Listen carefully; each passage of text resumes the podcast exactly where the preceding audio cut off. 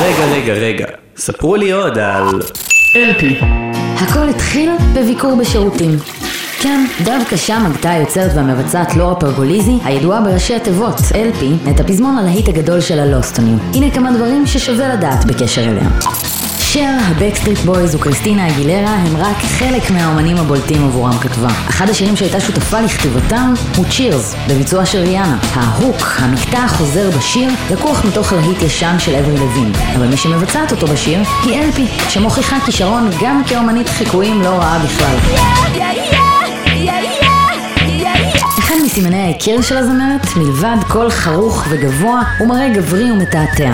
לא תתפסו אותה מסתובבת בלבוש שאינו חליפה, ובשל כך היא זוכה לבלבול מצד הסביבה. לא מעט פעמים אמהות רצו עם הילדות שלהם מחוץ לשירותי הנשים, כי חשבו שאני גבר, סיפרה LP בריאיון. אני כבר רגילה לזה. היא אמנם מבצעת מוזיקה שקרובה לפופ, אבל אחד האומנים שהשפיעו על LP הוא דווקא אלוויס פרסלי. כשביקרה במוזיאון שהוקם באחוזתו של הזמר, היא נחשפה לראשי התיבות שהיו לסמל שלו, TCB, שמשמעותן Taking Care of Business, לדאוג לעניינים. LP הזדהתה עם המסר וקעקעה אותו על ידה הימנית. אריתה פרנקלין, עוד תומכת נלהבת במסר, כנראה הייתה גאה. כשניגנה עבור אנשי חברת התקליטים שלה את לוסטוניו בסוף 2015, הם בתגובה ביטלו את החוזה איתה. שנה לאחר מכן, השיר חשף אותנו המאזינים לאומנית שבהחלט שווה להכיר.